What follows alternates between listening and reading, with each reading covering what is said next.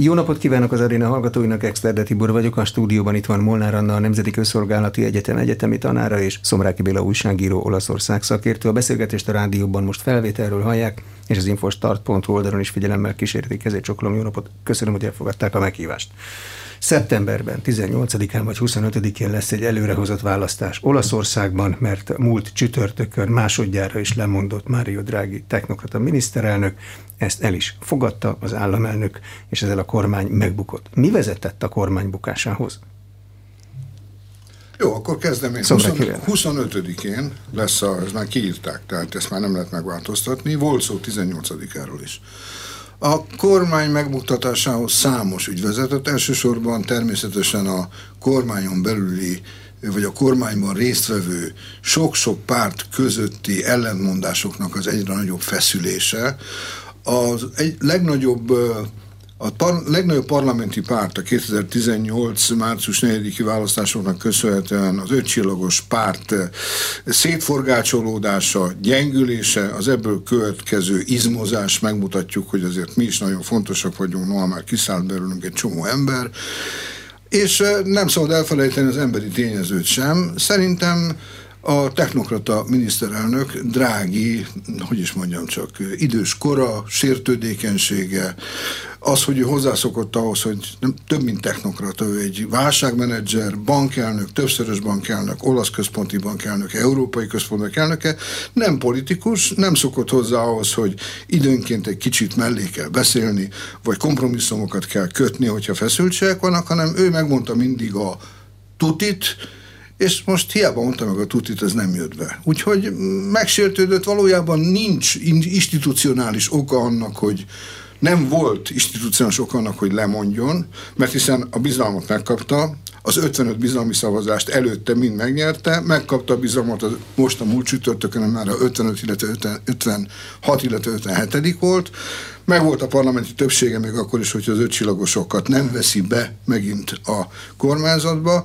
Itt valószínűleg arról volt szó, hogy vagy elfáradt, vagy valami olyasmi történt, amivel ő már végképp nem tudott egyetérteni, független attól, hogy úgy kért bizalmat, ahogy nem szokás. Tehát berúgjuk az ajtót a parlamenten, és elmondjuk, lehordjuk a sárga földig a pártokat, ez nem a legfőbb ajánló, úgyhogy ezen aztán felhorgadott a jobb oldal is, a baloldal kitartott végig, és egyébként még egy utolsó megjegyzés, nagy valószínűséggel Drágit finoman szóval megvezette a baloldal fő ereje, a demokrata párt, mert elhitette vele, hogy igazából mindenképpen vissza kell venni az ötcsillagos mozgalmat ebbe az eljövendő kormányzatba, mert hiszen a demokrata pártnak az az elképzelése, hogy egy ilyen széles körű, ahogy olaszul mondják, ampio, ampio camp, camp, egy ilyen széles körű, egész pályás koalíciót akar létrehozni, és ez neki szüksége volt arra az ötcsillagos mozgalomra, amelyre az elmúlt évek során is szüksége volt, hiszen együtt feküdtek egy alkotmányos lélegeztetőgépen, egyik le akarta rúgni a másikat, de mindig a másik után kapott.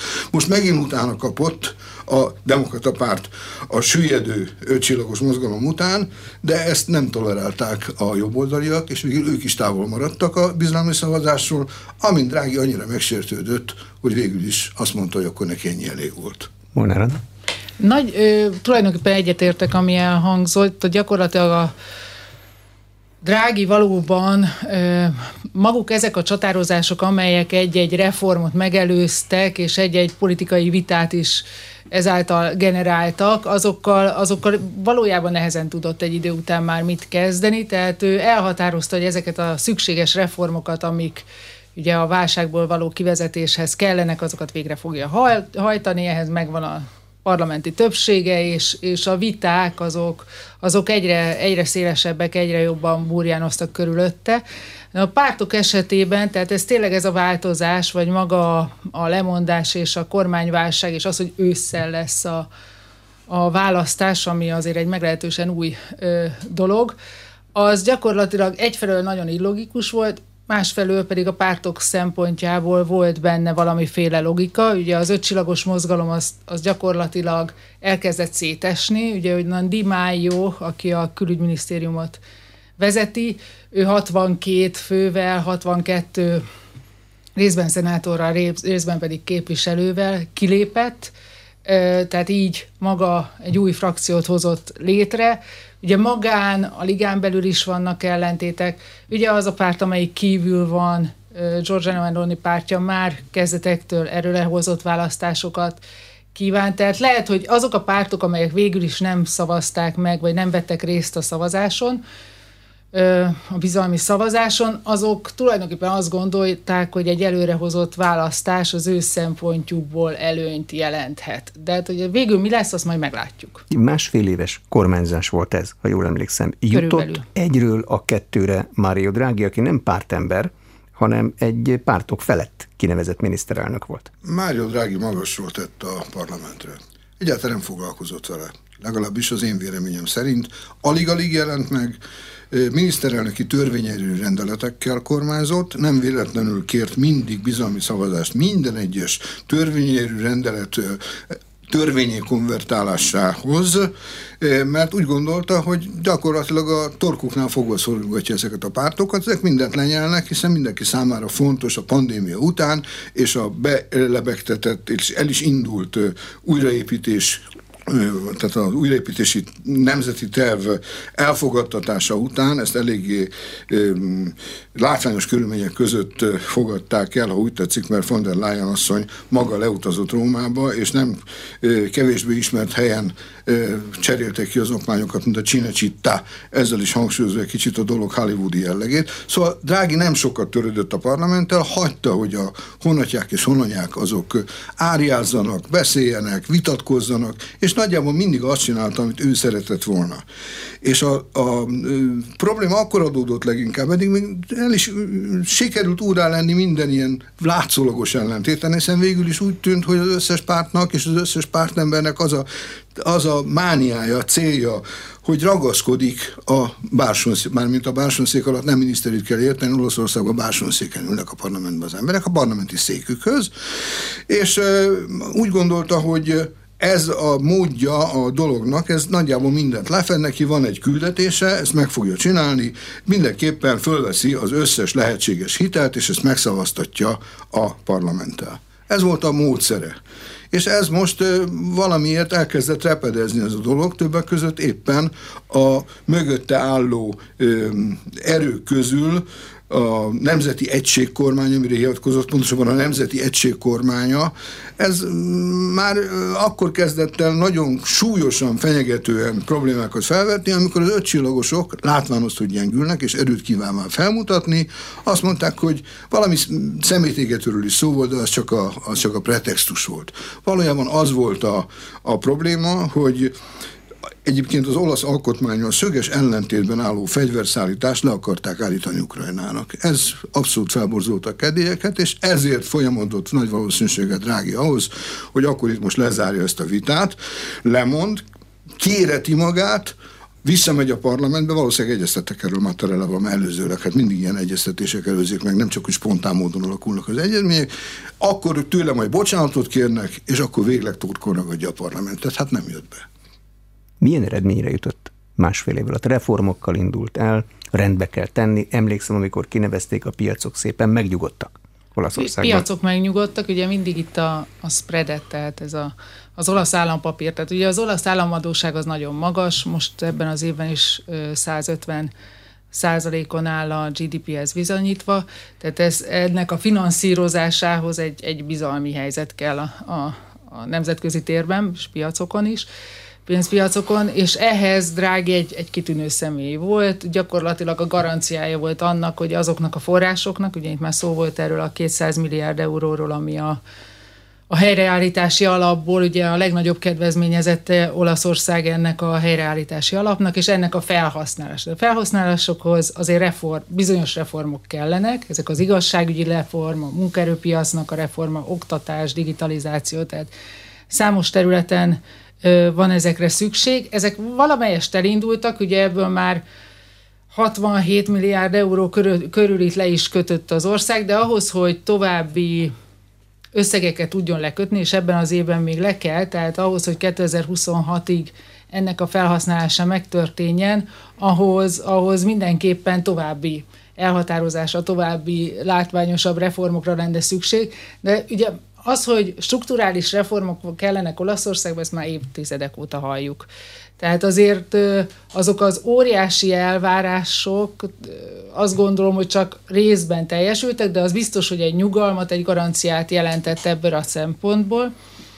És hát az, hogy, hogy ugye a másik az, hogy az olasz, ö, Olaszország az EU-s forrásoknak a lehívásában nem az első között szerepel, tehát viszonylag rosszabb arányban szokott ezen a, ezen a területen ö, eredményeket elérni, tehát ezt, ehhez is garancia lett volna, hogy akkor tényleg ami rendelkezésre áll, azt fel tudja használni, mert az viszont a növekedés szempontjából fontos. De hogy kell elképzelni? Lehet, hogy mellékvágány, de lehet, hogy nem. Olaszországban a strukturális reformokat, ezt még egy ilyen viszonylag kicsi országban, mint Magyarország is nehéz elképzelni, de Olaszországnak meg nagyon más az északi, meg a déli része. És a strukturális reform az azt jelenti, hogy egyszerre mindenütt ugyanúgy kell működnie.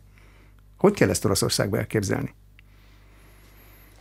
Én erre a kérdésre nem nagyon tudnék válaszolni, már csak azért sem, mert úgy tűnik, hogy Drági sem tudott válaszolni. Valójában alig-alig ért el valamit ebben a tekintetben. Elindított bizonyos vitákat, de konkrét intézkedésekre nem nagyon került sor. Jellemző, hogy ez a bizonyos legutolsó bizalmi szavazással összekötött törvényérői rendelet törvényé való konvertálása arról szólt, hogy segítséget kell adni azoknak, azoknak a cégeknek, és azoknak az embereknek, akiket a pandémia nagyon sújtott, illetve akiket az energiaválság sújt. Tehát igazából megint csak egy ilyen IUT segítkezés, egy adjunk pénzt az embereknek, nagyjából ez, ez, a, ez volt a lényege. Tehát nagyon nem jutott előre, és azért van egy nagyon furcsa észrevétel is, folytatódott az a gyakorlat, nem hogy strukturális reformok nem kerültek kidolgozásra sem, elméletileg sem, amennyire én tudom, hanem folytatódott az a gyakorlat, hogy az új kormányzat miután mindig megígéri, hogy elkezdi leszorítani az egyre magasabb államadóságot, ami ugye Berlusconi bukásakor 110% volt, aztán Monti megígért, hogy leszorítja, aztán 130% lett, aztán megint a,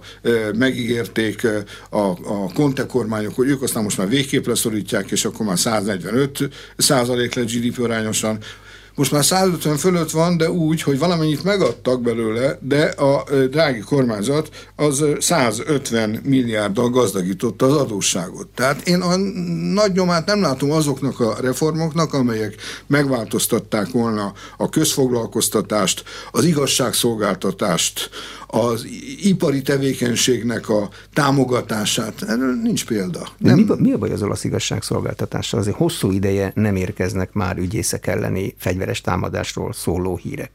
Igazából a lassúsága, tehát ezt szokták emlegetni, hogy, hogy lassú az igazságszolgáltatás, elsősorban itt a büntetőügyekre gondolnak, és ezen a területen szerették volna, hogyha ezeket bizonyos százalékkal, jól emlékszem, 15 százalékkal kellene csökkenteni a, az idejét ezeknek a ereknek.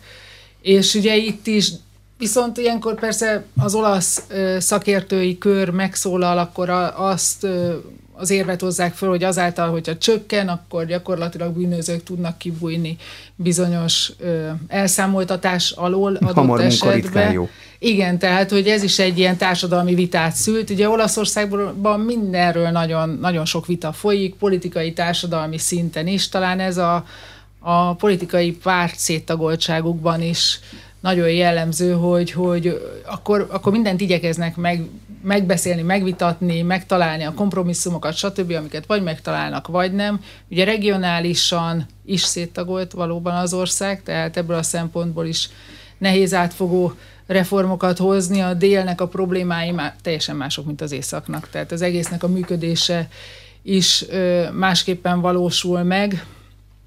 Tehát ez, ez egy nehéz feladat, mindig elhatározzák, mindig nagy a ugye Renci, Monti, most Mário Draghi nagy az elhatározás, mindenképpen, én azt gondolom különben, hogy el, elindultak folyamatok, de hát ezeket végig kellene csinálni, de hogyha a politika ebben, ebben hátráltat, azáltal, hogy például most végül is egy kormányválság alakult ki, akkor, akkor a megvalósítás De nem csak hátráltat, hanem beleszól. Tehát az igazságszolgáltatás az egyik legnagyobb baja az olaszoknak általában, és magában az igazságszolgáltatásban dolgozóknak is az, hogy az igazságszolgáltatás fő aktorai, ügyészek és bíróknak a pályája nincs kellőképpen szétválasztva. Magistratúrának hívják általában a bírói testületet, a bírói ítélkezésnek a fogalmát, de nem csak a bírói ítélet, a felkészülést, a vádemelés, stb. stb. Ezek a szerepek nincsenek teljesen tisztázva, egy ilyen forgóajtón kimennek, bemennek, visszajönnek, ráadásul egy csomóan elmennek a politikai életbe, majd onnan térnek vissza, szóval nincsenek olyan pontos szabályok, amelyek a, ezt a tevékenységét az igazságszolgáltatásban ö, dolgozóknak rendesen beszabályoznák. Hát arról nem is beszélve, hogy rengeteg botrány robbant ki, tehát a, azzal kapcsolatban, hogy a politikai bekötések miatt ö, egyenesen rászólnak a politika köréből egyes bírók, hogy tudjuk, hogy például Szávini ártatlan a, a hajó kikötéssel kapcsolatos intézkedő, amikor a migránsok jöttek. Körülbelül négy vagy öt per indult ellene különböző városokban, különböző szinteken e, Szicíliában. És tudjuk, hogy ártatlan, telefonbeszélgetés rögzítve lett, de muszáj elítélni, muszáj ellene. E, tehát ezek mind rongálják a, a, a bíróságnak a tekintélyét, itt is valamit kéne csinálni, de hát ez egy rettenetesen forró krumpli, és Dráginak mentségére mondom, én, aki nem nagy tisztelője a drági szakmai tevékenységének általában, szakmai karrierjének, de dráginak azért nem volt, a legkisebb, leg, legkisebb gondja is nagyobb volt annál sem, mint hogy ezzel foglalkozzon, mert neki itt az országot úgymond meg kellett mentenie, és nem csak az országot kellett megmentenie, hanem meg kellett ismételni azt a mutatványt, amivel egyszer már megmentette az eurót, whatever it takes, ugye, kerülembe kerül, mindenképpen megcsináljuk azt, az euró megmarad, mondta tíz évvel ezelőtt, és, és meg is lett köszönhetően az összekötetéseinek, köszönhetően annak, amit az, ide, az ide, előbb Molnár Anna is mondott, hogy egy abszolút megbízható ezeknek a pénzügyi köröknek, a pénzhatalomnak, a, a pénzpiacoknak nevezzük így őket. Ugye? De ezzel nem csak Olaszországot menti meg, hanem az eurót, és az euró megmentésével, és az adósság, a, adósság, hát ugyan a másik oldal, a hiteleknek a minél gyorsabb leterítésével, szétterítésével, igazából egy hozzájárul ahhoz, hogy az Európai Unióban egy olyan adósság közösséget lehessen létrehozni, amely gyakorlatilag garantálják az Európai Egyesült Államok felé való intézményes elmozdulást. Visszavezethető-e valamilyen történelmi pontra az olasz, az or, olasz politikai rendszer széttagolódása. Mert innen ezeket a nagy fordulópontokat szoktuk látni, hogy egyszer egy népszerű humorista csinál egy mozgalmat, majd az hip-hop kormányon van. És új pártok jelennek meg, pártok bomlanak szét, parlamenti csoportok alakulnak, új mozgalmak alakulnak. Hol kezdődik? Ha kezdődik valahol. Igazából a második világháború idősz, utáni időszakra érdemes visszamenni, akkor gyakorlatilag arányos választási rendszer volt hosszú időn keresztül. Ugye addig, amíg a bipoláris nemzetközi rendszer szét nem esett volna, tehát a 90-es évek elejéig, és akkor ennek volt egy hatása, és ugye az arányos választási rendszer – az gyakorlatilag azt eredményezte, hogy az a párt, amelyik eléri azt a szükséges szavazati arányt, ami, amivel már egy képviselőt is be tudott vinni a parlamentbe, akkor az megjelent ott. Ugye a 90-es években volt egy nagy politikai földindulás, ez a tiszta kezek, az az időszak, amikor a korrupciós botrányok, stb. végig söpört Olaszországba. Ez a korábbi pártokat elsöpörte, újak alakultak, például a Hajrá Olaszország, ugye Silvio Berlusconival, vagy a liga, azért, amit akkor még alapvetően több kisebb ligából összeállva északi ligának hívtunk ma, a hivatalos neve továbbra is az, de a választásokon ma már inkább a liga, tehát egy ilyen nemzeti jelleggel jelenik meg, tehát megalakulnak új pártok, a hagyományosak, például kereszténydemokrata vagy kommunista párt szétestek, és újak alakultak azokból is. Aztán jön egy újabb fordulat itt a tízes évek környékén, ugye amikor az ötcsillagos mozgalom is létrejön, demokrata párt létrejön, ezek előtte már lét, elindul, tehát megkezdik a működésüket, és tehát egy folyamatos átalakulás van, annak ellenére, hogy már a 93 óta ez az arányos választási rendszer átalakult, és többségivel is bővült, de valahogy a politikai hagyományban továbbra is megmaradt ez a fajta széttöredezettség és a sok pártnak a jelenléte. Azért, azért még hozzátennék valamit a, a fragmentációnak a gyökereiről. Valójában arról is szó volt, hogy Olaszország miután az 1946. június másodikai referendummal úgymond megszabadult a monarchiától, megszabadult a monarchisztikus gondolkodástól. Ráadásul előtte másfél évvel megszabadult súlyos áldozatok árán, a saját és persze a szövetségesek árán a fasizmustól. A fasizmus az egybegyúrta az embereket fordítva, tehát antifasisztáká tette őket, de a szabadság gondolata az minden előbbre való volt, tehát mindenkinek szabad volt elmondani mindent, amit gondol, mi olyan pártot alapítani, amit a legjobbnak lát, és a, a parlamentben való bejutási küszöb az másfél vagy két százalék volt még az elején. Tehát most én a 40-es évekről beszélek. Így aztán minden filozófiai gondolat, ha úgy tetszik, az testet ölthetett a parlamentben különböző kisebb-nagyobb frakciók alapításával, ez aztán tovább fragmentálódott, és, és ez a fajta gondolkodás, hogy oké, okay, hát mindenki berak egy-két képviselőt, hát előbb-utóbb valami nagy erő leszünk, ez mind a mai napig folytatódik. Lettának az, a demokrata párt elnökének most is ez a gondolat, hogy minél több embert kalapáljunk össze ebbe a kámpolárgóba, ebbe a széles körülbe. De hihetetlen példák vannak. Ott van például Pródinak a, az olajfa kormánya, ahol nyolc darab úgynevezett baloldali pártot próbált összegyúrni. Hát ez, ez nem működhetett. De még ennél is tovább ment aztán egy olyan kísérlet, amikor 15 pártból alakult meg a kormány. Hát egy, egy elmebaj volt, hát ott, ott nem lehetett előrelépni semmiben, mert mindenkinek megvoltak a maga önös érdekei, volt, aki csak éppen pénzt akart keresni, volt, aki kapcsolatokat akart szerezni. Igazából nagy gondolat senkit nem bántott. Mi következik most? Miből kell kiindulni, amikor azt latolgatjuk, hogy az előrehozott választásokon kinek áll a zászló? Az még szeptember, augusztus van jelenlegi népszerűségi felmérésekből, politikai tehetségből? Szóval mit kell mérlegelni, amikor azt keressük, hogy ki lesz a következő olasz miniszterelnök? Nekünk mérlegelni, vagy az olaszoknak? Hát próbáljuk kitalálni pontosan, mert én kérdezem, hogy önök szerint az olaszok mit mérlegelnek? Egyet az olaszok mérlegelnek ilyenkor, vagy a politikusok mérlegelnek ilyenkor? Hogy, hogy működik ez ott? Hát mind a ketten, ugye maga ugye a választási rendszer az, az ebből a szempontból is érdekes, a 2017-es Rosatellum, tehát ez az utolsó választási törvény, amelyik érvényben van, és ez egy egyharmadban többségi, kétharmadban pedig arányos választási, választást jelent, tehát egy elég bonyolult szisztéma, viszont ami, ami fontos, hogy ez igazából a koalícióknak kedvez, tehát azt kellene létrehozni, a bejutási küszöb az, az 3 százalék, és ugye itt nagyon sok, nagyon pici párt, a, a koalícióknak meg 10 százalék. Tehát elvileg jobb, hogyha valaki koalícióval indul, és akkor gyakorlatilag, de ott egy magasabb küszöböt kell azért megütnie, de akkor legalább ö, a kicsiknek esélye van, hogy bejuthatnak. Tehát ez mindenképpen meghatározza a gondolkodást, a másik oldalról pedig magáknak a választóknak a, az elvárásai, ugye ezt is meghatározza, hogy nagyon magas, tehát ilyen 35-40 százalék közül azoknak az aránya, akik még mindig bizonytalanok, és nem tudják, hogy hogyan fognak dönteni. Szomráki Béla. Többek között azt mérlegelik, vagy az jut eszükbe kapásból, hogy immár 11 éve nem sikerült nekik, választóknak megválasztani egy miniszterelnököt. Azért ez egyfajta világcsúcs egy demokratikus országban, egy európai értékeket valló országban. Berlusconi megmutatását követően ugyanis az akkori, mondjuk úgy, hogy kommunista gyökerekkel rendelkező Napolitánó elnök, az gyorsan meghívta a miniszterelnöki székbe Mário Montit, méghozzá úgy emlékszem, hogy a Goldman Sachsból.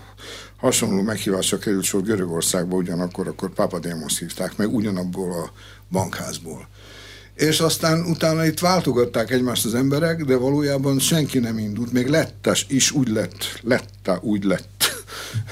Miniszterelnök, hogy nem győzött a demokrata párt, amelyet egyébként a mostani államelnök Mattarella alapított még Pródival, aki egyébként a hallgatók figyelmébe ajánlom, az Európai Bizottság elnöke is volt, nem csak kétszeres olasz miniszterelnök.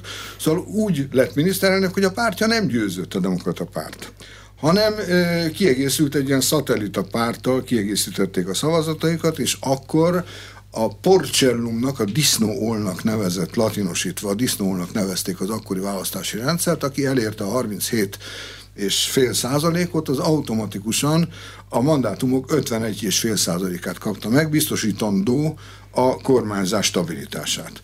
És ez így folytatódott, és aztán jött, ö, ö, ezek után következtek olyan mutatványok, hogy 2018-ban megválasztották, illetve a, a győzelmet a, a immár másodszor győztes, de akkor hatalomra jutó, nagyon nehezen hatalomra jutó ötcsillagos mozgalom érte el, de nem tudott kivel kormányt alakítani, mindenkitől írtóztak, írtóztak egymástól, végül is kiegyezett a ligával az ötcsillagos mozgalom, amelyet, mint szerkesztő úr említette, még egy komikus, Beppe Grillo, magyar neve Tücsök Józsi, szó szerint ezt jelenti a neve, alapított. Ez egy horror koalíció volt a pénzpiacok szerint, olyannyira, hogy mielőtt megalakult volna, két perc előtte Günther Verheigen, német Európai Uniós biztos azt mondta, hogy tessék, nem tudnak kormányt alakítani. Három hónapja vacakolnak, majd a pénzpiacok megtanítják az olaszoknak, hogyan szavazzanak. Hát nagy botrány lett belőle, mert azért eddig erről még ilyen nyilvánvalóan nem volt szó. Mindenesetre ez a két ember, Dimájó és, és Szávini nem tudott megegyezni, ugye két tudás egy csártában nem fér el, hívtak egy cimbalmost, ez volt a Conte, aki előbb a ötcsillagosokat és a ligával bótolt, aztán utána Szávini kirendezte magát a kormányból, gyakorlatilag a kormány úgy volt megbukott, Mattarella nem írt ki választásokat, megmentendő az, a stabilitást, ez, hogy mondjam, a veszőparipája az idős úrnak, a stabilitás, joggal, de azért, amikor már a következő kormány, következő drági kormány is megbukott, akkor talán szerencsésebb lett volna kiírni az előrehozott választásokat, mint most, amikor már csak gyakorlatilag hat hónap maradt volna hátra ebből a, ebből a törvényhozási ciklusból, és itt azért most nagyon gyorsan mindenkinek össze kell magát kapnia, az pártoknak, akár kinyeri meg, végül is meg kell alkotni a költségvetési törvényt, ki kell dolgozni, és tovább kell vinni a újjáépítési nemzeti tervet, szóval rengeteg feladat lenne a már említett strukturális változások előkészítésén túl is. Úgyhogy 11 éve nincs olyan miniszterelnök, aztán jött Drági, ugye? Drági úgy került hatalomra, ezt még nagyon röviden elmondanám, hogy egy kormánycsin történt. Renci egy régebb, egy előző ö, demokrata ö, kormányfő ö, egyszerűen megzsarolta a kormányt, ő kilép. Mindent ígértek neki, nem akart visszalépni. Hát ő tudta, hogy miért, mert közben összebeszélt a Berlusconival, nagy valószínűséggel Mattarellával is, mert Drági ott állt Ante Portas Róma kapuj előtt, megbukott ez a kormány, mert Renci ott hagyta az egészet, csapott papot, így nyitott utat Dráginak, aki persze mindenki nagy boldogan fogadott, mert végre akkor dőlni fog a pénz, minden problémát meg fogunk oldani. Drági egy, ugye, hogy az előbb itt is elhangzott, egy komoly garancia a pénzvilág felé, az Európai Unió felé, Washington felé, atlantista, európeista, tehát nem lehet fele probléma. De most, hogy nagyjából ez a három kormányzat összedőlt, Mattarella pedig eddig habozott, vagy nem akartak írni a választ választásokat. Most már az oroszok arra gondolnak, hogy tényleg itt lenne az hogy most már ők választanak valakit, egy olyan valakit, ami esetleg hosszabb távon is legalább öt évig ö, állni tud. Egyébként drági távozásáról még csak annyit mondanék, hogy a, nem ez volt az első kísérlete arra, hogy kiugorjon, hogy leugorjon erről a hajóról, mert idén februárban, amikor elnökválasztás volt, ő bizony megcélozta a köztársasági elnöki széket, amit igazán nem vettek jó néven sem azok, akik, hogy mondjam, tanácsokkal ellátták őt, gondolok itt a pénzpiacokra, de az olaszok maguk sem nagyon vették jó néven, és ráadásul ő maga azt ígérte, hogy mielő a az intézmények nagyapja, ezt a kifejezést használta, ezért ő szívesen lenne elnök, mint az intézmények nagyapja, hogy ez folytatná a tevékenységét. Holott azt ígérte az olaszoknak, hogy az országot kikormányozza ebből a gazdasági és pénzügyi válságból. Nem tartotta be a szavát. Úgyhogy az olaszoknak van okuk arra, hogy végre komolyan megfontolják, hogy kit helyeznek a kormányrúd mögé. Az egy másik kérdés, hogy ebben óriási különbségek vannak. Egyenlőre úgy néz ki, de gondolom, hogy majd ezt tárgyalni fogjuk későbbiekbe, hogy könnyen lehet, hogy a jobb oldal, ha nem szúrja el szó szerint különféle belharcokkal, akkor akár a képviselői mandátumoknak a, a 60%-át is megszerezheti. Mi szokta megtanítani az olaszoknak, hogy hogyan kell szavazni, ha nem a pénz? Az emberek a zsebüket szokták nézni, meghallgatják az ígéreteket, és kiszámolják, hogy nekik ki a jobb. Olaszországban nem így van?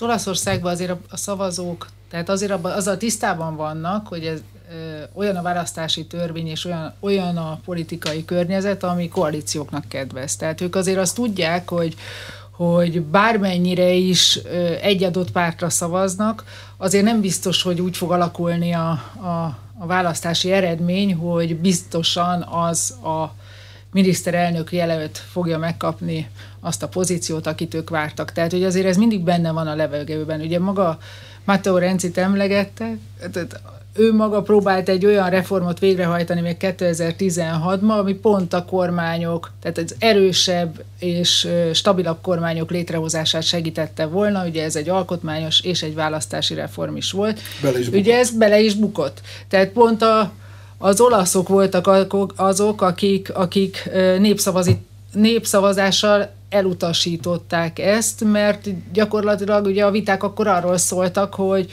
ez bármennyire is stabilabb, vagy akár jobban működő lehetne, de az ő demokrácia felfogásukkal ez ellentétes volt, tehát nem támogatták. Tehát ugye azért ezt ők, ők tulajdonképpen tudják, hogy, hogy hogy ilyen a választási rendszer, és ennek ez a következménye, hogy koalíciók fognak alakulni, mert sok kicsi párt van, is van a nagyok, nagyobbak mellett a parlamentben, és hát ezek nyilván az egymással való konfliktusokból következően változnak. Amúgy a 90-es évekig is nagyon hasonló volt a rendszer, politológusok ugye szoktak beszélni első, második, harmadik köztársaságról, ami nem alkotmányos módosítást, hanem inkább a pártrendszerek változását jelenti, és ugye ebben, ezekben a struktúrákban ezek a folyamatok át, tehát nem, nem idegen az olaszoktól általában. Mi számít Olaszországban választási témának?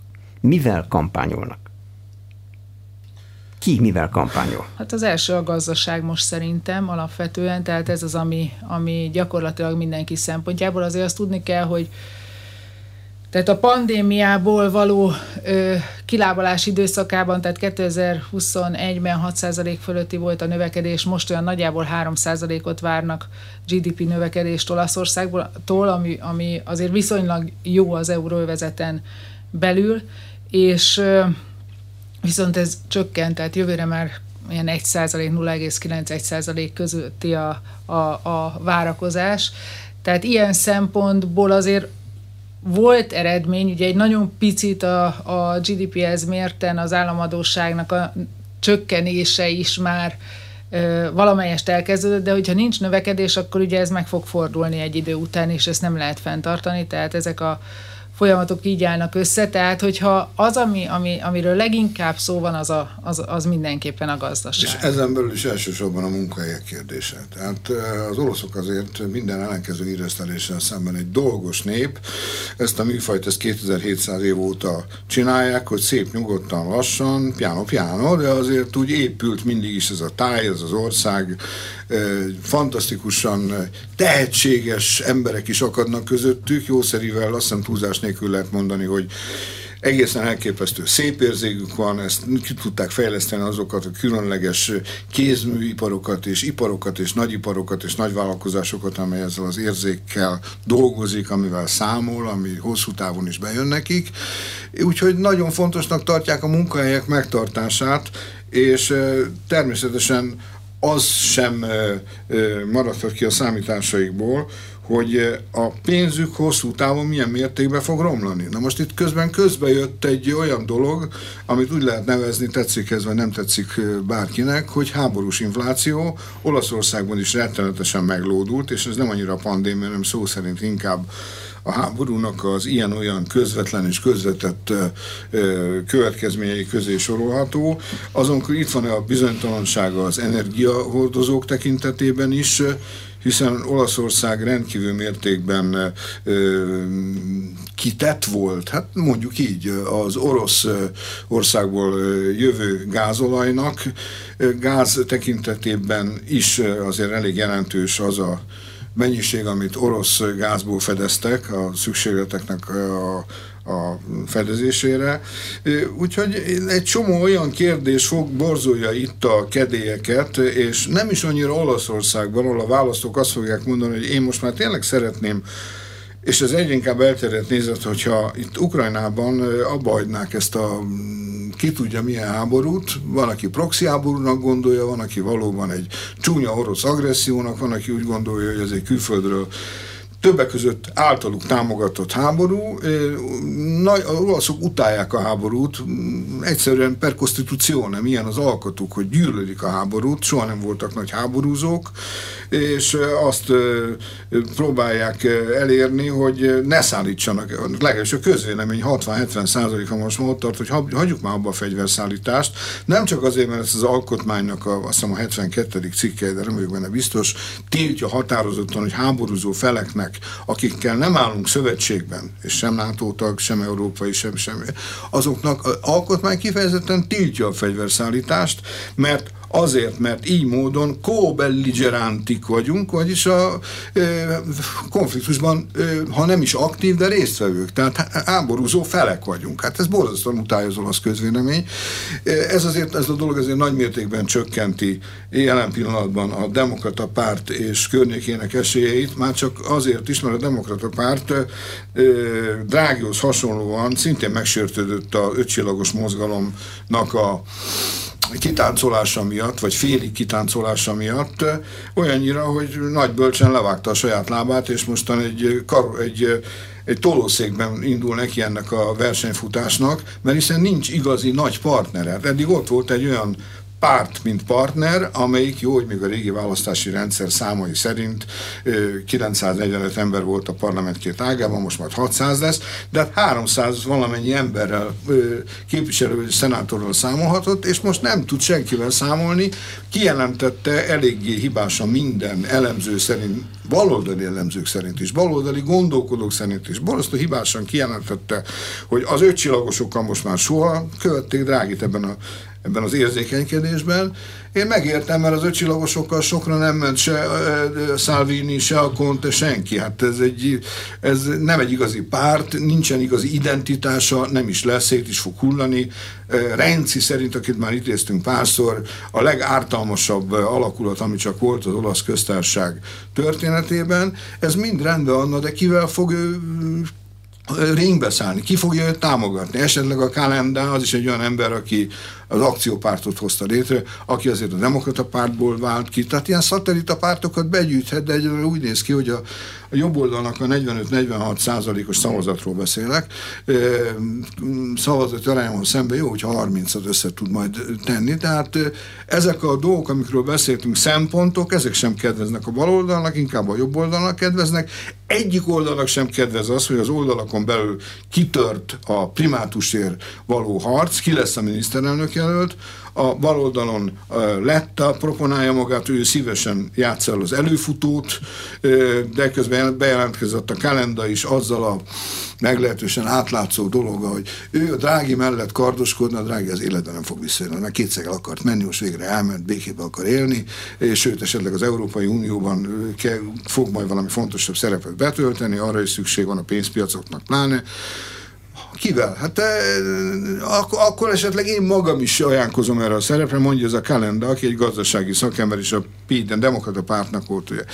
A másik oldalon pedig eléggé nem, nem, hasz, nem nagyon hasznos módon a Meloni elindított egy, egy, egy olyan purpárlét, a Georgia Meloni elindított azt a purpárlét, hogy végül is ragaszkodunk ahhoz, hogy a jobb oldalon belüli győztes párt, amelyik a legtöbb szavat az adja a miniszterelnököt, magára gondol nyilvánvalóan, hiszen neki nagyon jó bejött az, hogy most már nagyon sok éve ő, ő, ellenzéki szerepben van, a pártja is abszolút ellenzék, jó szervel a, a demokrácia garantálója, a, a, amennyiben a római parlamentben eddig volt az egyetlen komoly ellenzék. Ebben párt. a kormányban sem voltak benne. Nem voltak benne, és neki könnyű szerepe volt, kívülről könnyebb egyrészt beszélni, de ugyanakkor koherens volt, következetes volt. Úgyhogy de viszont meg azzal indított elmondom ezeket a feszültségeket a jobb oldalon belül, hogy gyakorlatilag saját magát proponálja, ami nem egy jó dolog, azért, mert a másik oldal másra se várt, csak Georgia Melonira, mert őt lehet legjobban lövöldözni. Hát nem véletlen, hogy a New York Times-tól kezdve, a The Guardian-on keresztül, de az olasz republika, mindegyik arról ír, hogy ez tulajdonképpen egy fasisztói nőszemély, Orbán Viktornak a szörnyű Magyarországát akarja utálozni majd, hogyha hatalomra kerül, minden baloldali, komolyabb baloldali ember idézőjelben, hogy nem, ki van kelve, katasztrófa lesz, hogyha jobb oldal Georgia Meloni van az élen, kormányra kerül, Luther, Carlo de Benedetti, a olasz politikai és gazdasági életeik legfőbb szereplője, igen tekintélyes korra ellenére, és 88 éves Carlo de Benedetti, aki mindenben benne volt, a Fiattól kezdve minden nagyobb olasz vállalatban, és minden nagyobb botrányban természetesen, azon kívül még a még szabadkülönbesi nagymester is, szóval elmondta, hogy ez egy olyan katasztrófa lenne, nem lenne viszont Olaszország számára, tehát nem kéne a, szerintem a Meloninak magát ennyire exponálni, mert magára húzza a nem éppen baráti tüzet. Úgyhogy nagyjából így néz ki a dolog most. Mit érdemes Giorgia Meloniról tudni? Tehát ugye az, Kicsoda? Tehát ő maga a, az Olaszország fivéreinek az elnöke, tehát ezt a pártot vezeti. Valóban eddig gyakorlatilag az utóbbi években ellenzékben lévő politikai szereplő. Ugye ezt a pártot posztfasisztának azért szokták nevezni, mert gyakorlatilag ez annak az utód pártja, amelyik a, a második világháború után létrejött kisebb párt volt, ugye ez a Movimento Sociale Italiano, olasz szociális mozgalom, ami egy valóban posztfasiszta utódpárt volt.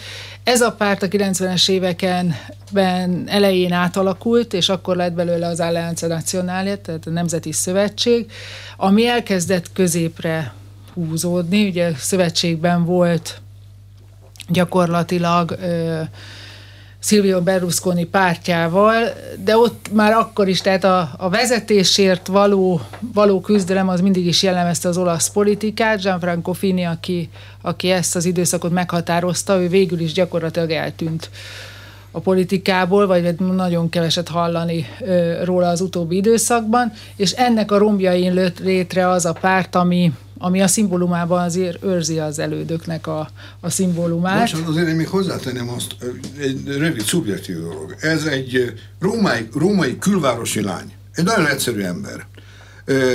Mondjuk úgy, hogy a, a, a, a proletariátusnak a, a gyermeke akinek nagyon eszes, nagyon vitaképes, rendkívül erőteljes jelenség, és egyébként még a Berlusconi egyik kormánya idején fiatalon, 26 évesen már a parlament képviselői ház alelnöke volt. Tehát azért ez nem senki ez a, ez a kis nő, akit ugyan attól sem riad vissza, attól sem riadnak vissza az ellenfelek, hogy ilyeneket írjanak róla, hogy szalonna hátú fasisztoid, szóval ilyen, ilyen borzalmak. Ő bedobja magát a a, a nagyon függetlennek igyekezni látszó TV riporterek réme, mert ezt nem lehet lelőni ezt a nőt. Ez lelövi őket az egyenes adásban, lebesz, lebeszéli a fejüket, de hihetetlen ügyesen, tehát egy óriási debaktőr is, nagyon vonzó, nem,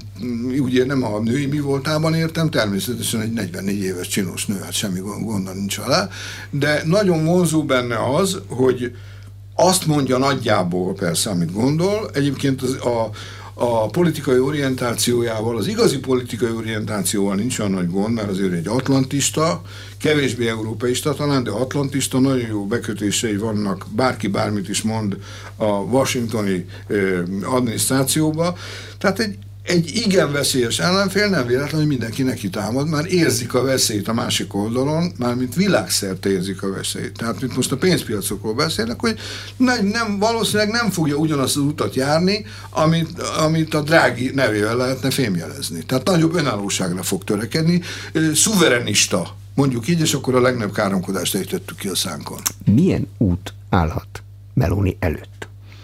Hát ez egy nagyon nagy kérdés, és tényleg nagyon sok minden attól függ, hogy hogyan fog alakulni a választás szeptember 25-én, ugye pont, tehát nagyon két hónap van addig, tehát egy rövid idő, a lehető legkorábbi időszakra tették a, a, a, magát a választás napját, hogy minél gyorsabban megalakulhasson a kormány, és aztán tényleg azokra a problémákra tudjanak koncentrálni, költségvetési törvény, stb. reformok, amelyek, amelyek Olaszország előtt állnak ebben az időszakban, de hogy mi lesz a választási eredmény, azt most még tényleg nehéz megmondani, bár igaz, hogy a felmérések azért az egész, tehát a felmérések többsége a pártokról az még a, a válság előtti időszakból. Tehát érdekes lesz majd látni azt, hogy hogyan alakulnak a további időszakban, de hát azt is, amit tudunk, hogy, hogy maguk a, tehát a bizonytalanok, azok milyen irányba fogják elvinni ezt az egészet.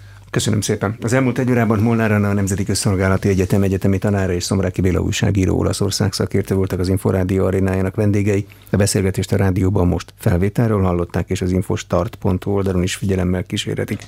A műsor elkészítésében Módos Márton főszerkesztő vett részt. Köszönöm a figyelmet, Exterde Tibor vagyok.